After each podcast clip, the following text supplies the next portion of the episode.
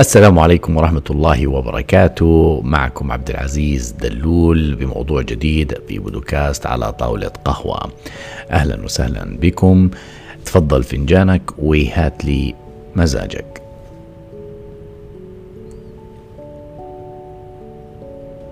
اليوم موضوعنا على طاولة قهوة إعادة تشكيل شخصيتك وراح أشاركك عشر نقاط لتحقق هذا الشيء خلينا أول شيء أسألك كم سؤال هل بتعاني من تبلد تجاه الأمور المهمة في حياتك؟ هل فقدت اهتمامك وشغفك بدراستك أو مهنتك؟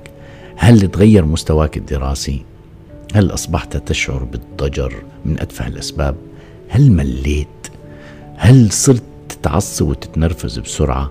هل تأثرت ثقتك بنفسك؟ هل تحصل على نفس النتائج وما في نمو وتغيير في حياتك؟ خليك معنا واسمع إيش حنقول.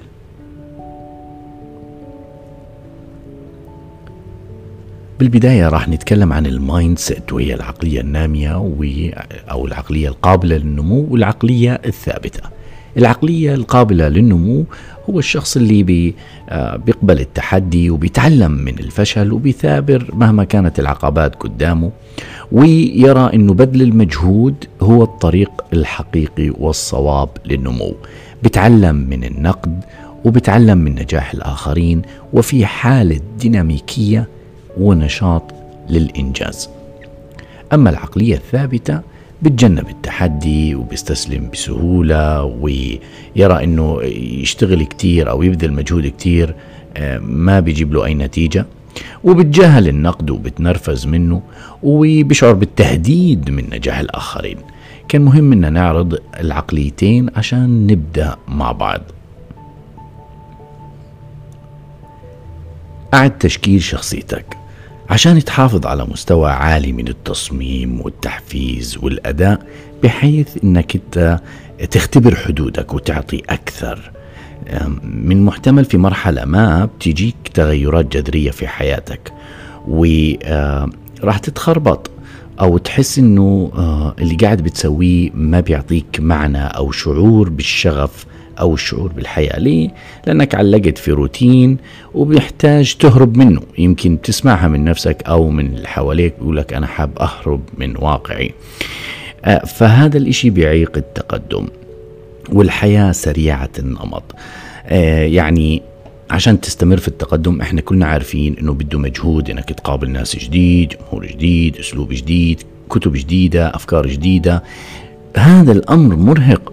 وإذا استمريت في هذا الشيء لفترة طويلة حتتعب وأكيد لازم تعرف متى أنت تحتاج ترتاح. سو so, عشان تكبر وتعيد تشكيل حياتك بدك تعرف مين أنت وإيش بدك وبماذا تفكر. هاي العقلية النمو بتخليك أنت تجد آه، مواهب جديدة أفكار جديدة بتوجه. لأنه إذا ما صارت الأمور وفق المخطط أنت اللي بتخططه لها حتتباطأ حياتك المهنية والشخصية. في هذا الوقت لازم تسوي إشي مختلف. طب دائما نسأل السؤال إيش هو هذا الإشي المختلف؟ الجميل في الموضوع إنه ما حدا راح يلاقي إلا أنت. حتى لو قريت مليون كتاب محتاج تطبق وتستكشف أشياء جديدة في حياتك. العقلية النمو هو الشخص اللي آه، مستعد للتغيير وبتوقع التغيير في أي لحظة. أما الناس الثابتة والعقلية الثابتة بتلاقيه يتجنب وما بيتوقع التغيير بفكر إن الدنيا حتمشي زي ما هي. أو أي تغيير في روتينه أو نمط ال lifestyle تبعه بيتوتر. هذا اللي بنقول عنه اللي هي دائرة الراحة ودائرة الخوف ودائرة التعلم ومن ثم دائرة أنا بسميها الدهشة. في ناس عايشين في دائرة التعلم. بعيد ما بيضلهم في دائرة الراحة بيحبوا التغيير. بيقول لك لا يمكنك أن تنجح إذا تحركت الأهداف ولم تعد متكيفا معها. يعني إذا أهدافك هي بدأت تتبلور وتتغير وتنمو أو بليفل تاني وإنت ما تكيفت معها هنا بالتالي حتضلك بدك ترجع لورا. بدك ترجع لمنطقة النمو. عشان هيك بيقول لك عندما تهب رياح التغيير يبني بعض الناس أسوارا ويبني آخرون طواحين الهواء. يعني نمشي مع التيار نتكيف ولا نصده خليني أقول لك إياها. يمكن توصل لمرحلة بتشعر بالإحباط وعدم الرضا في النمط اللي بتصير فيه حياتك. خليني أشاركك أول نصيحة. أدرك واحد أدرك أن الحياة لا تحدث لك إنما تستجيب لك. يعني الطاقة اللي أنت قاعد تستمدها من العالم ومن ذاتك ومن أفكارك الإيجابية حتحدث على أرض الواقع إذا أنت كنت مهيأ ومستعد إنك تخلي هاي الأفكار على أرض الواقع. هاي وظيفتك. جلب الخيال والأفكار اللي في خيالك وفي عقلك على أرض الواقع. كيف الطريقة؟ هنا إبداعك.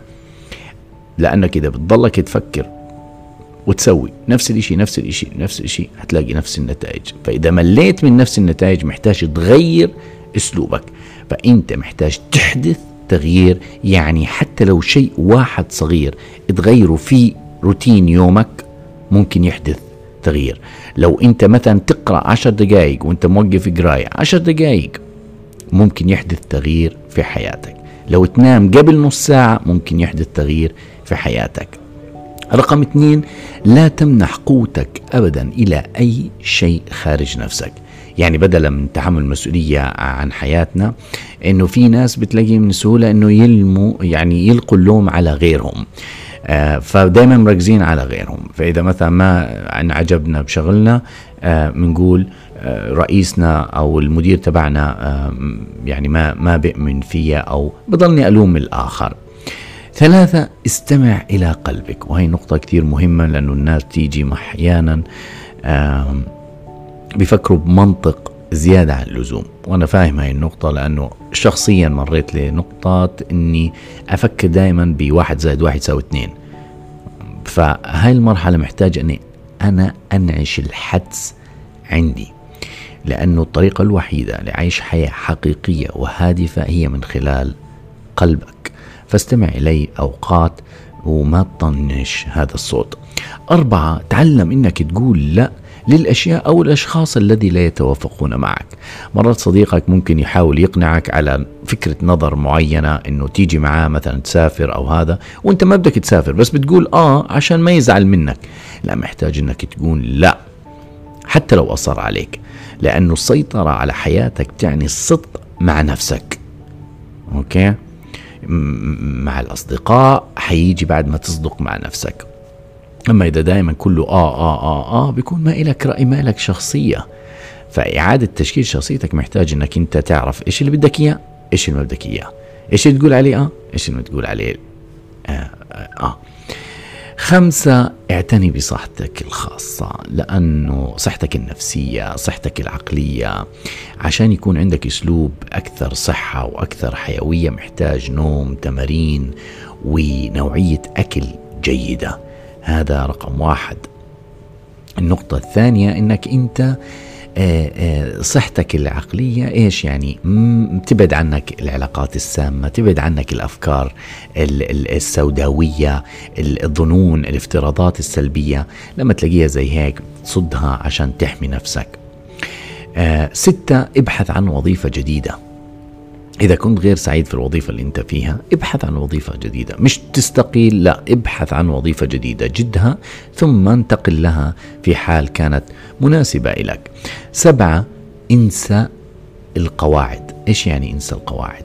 يعني ممكن أنت مرات إلى قواعد خاصة بدك تغيرها. محتاج شوية تشعر إنك أنت يعني إلك إيقاعك الخاص. أوكي؟ لأنه إذا بدك تمشي مع الناس وهبه الناس و... و... بتصير أنت يعني مع القطيع. فيعني انسى بعض القواعد اللي بتحكم حريتك. وخليك أكثر مرونة. ثمانية افعل المزيد مما يجعلك سعيدا. كثير من الناس آه، بيخجلوا من الفرص أو الأنشطة الجديدة أو آه، التعرف على ناس جداد لأنهم بيخشوا الفشل أو يفتحوا قلبهم أو يثقوا بغيرهم. فبتلاقيه دائما عايش في خوف مستمر. أوكي؟ إيش حيقولوا الناس؟ إيش حيعلقوا؟ فإذا أنت دائما بهذه النظرة آه، حتصير تضيع وقتك. حتكتشف إنه أنت فعليا you spend time with the people thinking what people say about you وهو فعليا no one cares أصلا عليك. فأنت سوي اللي بيسعدك okay؟ وشارك هاي السعادة مع الآخرين. تسعة اقتنع بمعيشتك وتكيف معها. اقتنع okay؟ لأنه في ناس كتير بيوصلوا مرحلة من مراحل حياتهم أقل من المتوقع. لأنه الحياة ما وجدت عشان تكون دائما سعيد فيها.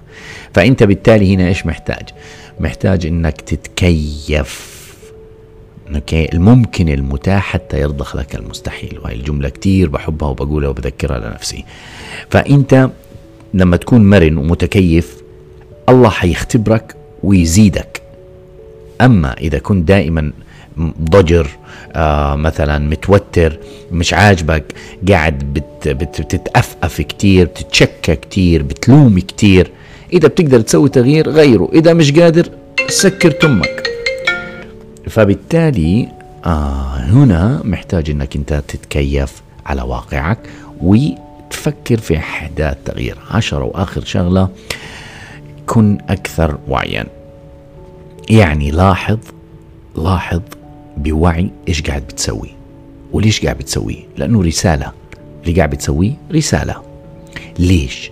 إيش المعنى منها؟ okay؟ هذا الإشي راح يعطيك مسؤولية كاملة عن نفسك. واحد تكون أكثر انضباطا والتزاما. ثلاثة تكون mentally قوي. okay؟ آه بدل ما تعيش عيشة الطيار الآلي والروبوت وإنك قاعد بتسوي كل إشي بس هيك من غير ما تنتبه لا. تأمل إيش قاعد بتسوي وليش قاعد بتسوي؟ ليش بتلبس هيك؟ ليش بتعمل هيك؟ ليش بتعمل هالبودكاست؟ ليه كله إلى معنى. فأنت بتسويه بوعي بدل ما تكون أنت بس مجرد آآ آه، آآ آه، روتين اتعودت عليه. آه هاي العشر نقاط بتخليك تتحمل مسؤوليتك وتعيد تشكيل شخصيتك بدل ما تكون يعني برا الخطوط وتصير ترسم وتكتب قصتك. أو شخصيتك الجديدة بالنمط اللي بدك إياه. وآخر شغلة حابة أشاركك تمرين. جيب A4 ورقة A4 واقسمها بين النص. بدنا جدولين اللي هو آآ آه، آآ الشخصية الحالية تبعتك والشخصية المدهشة. في عمودين الشخصية الحالية اللي أنت فيها. اكتب إيش بتسوي ماذا تفعل إيش بتاكل عن إيش بتتكلم إيش الكتب اللي بتقراها إيش بتسوي بوقت فراغك. اكتب بالشخصية الحالية.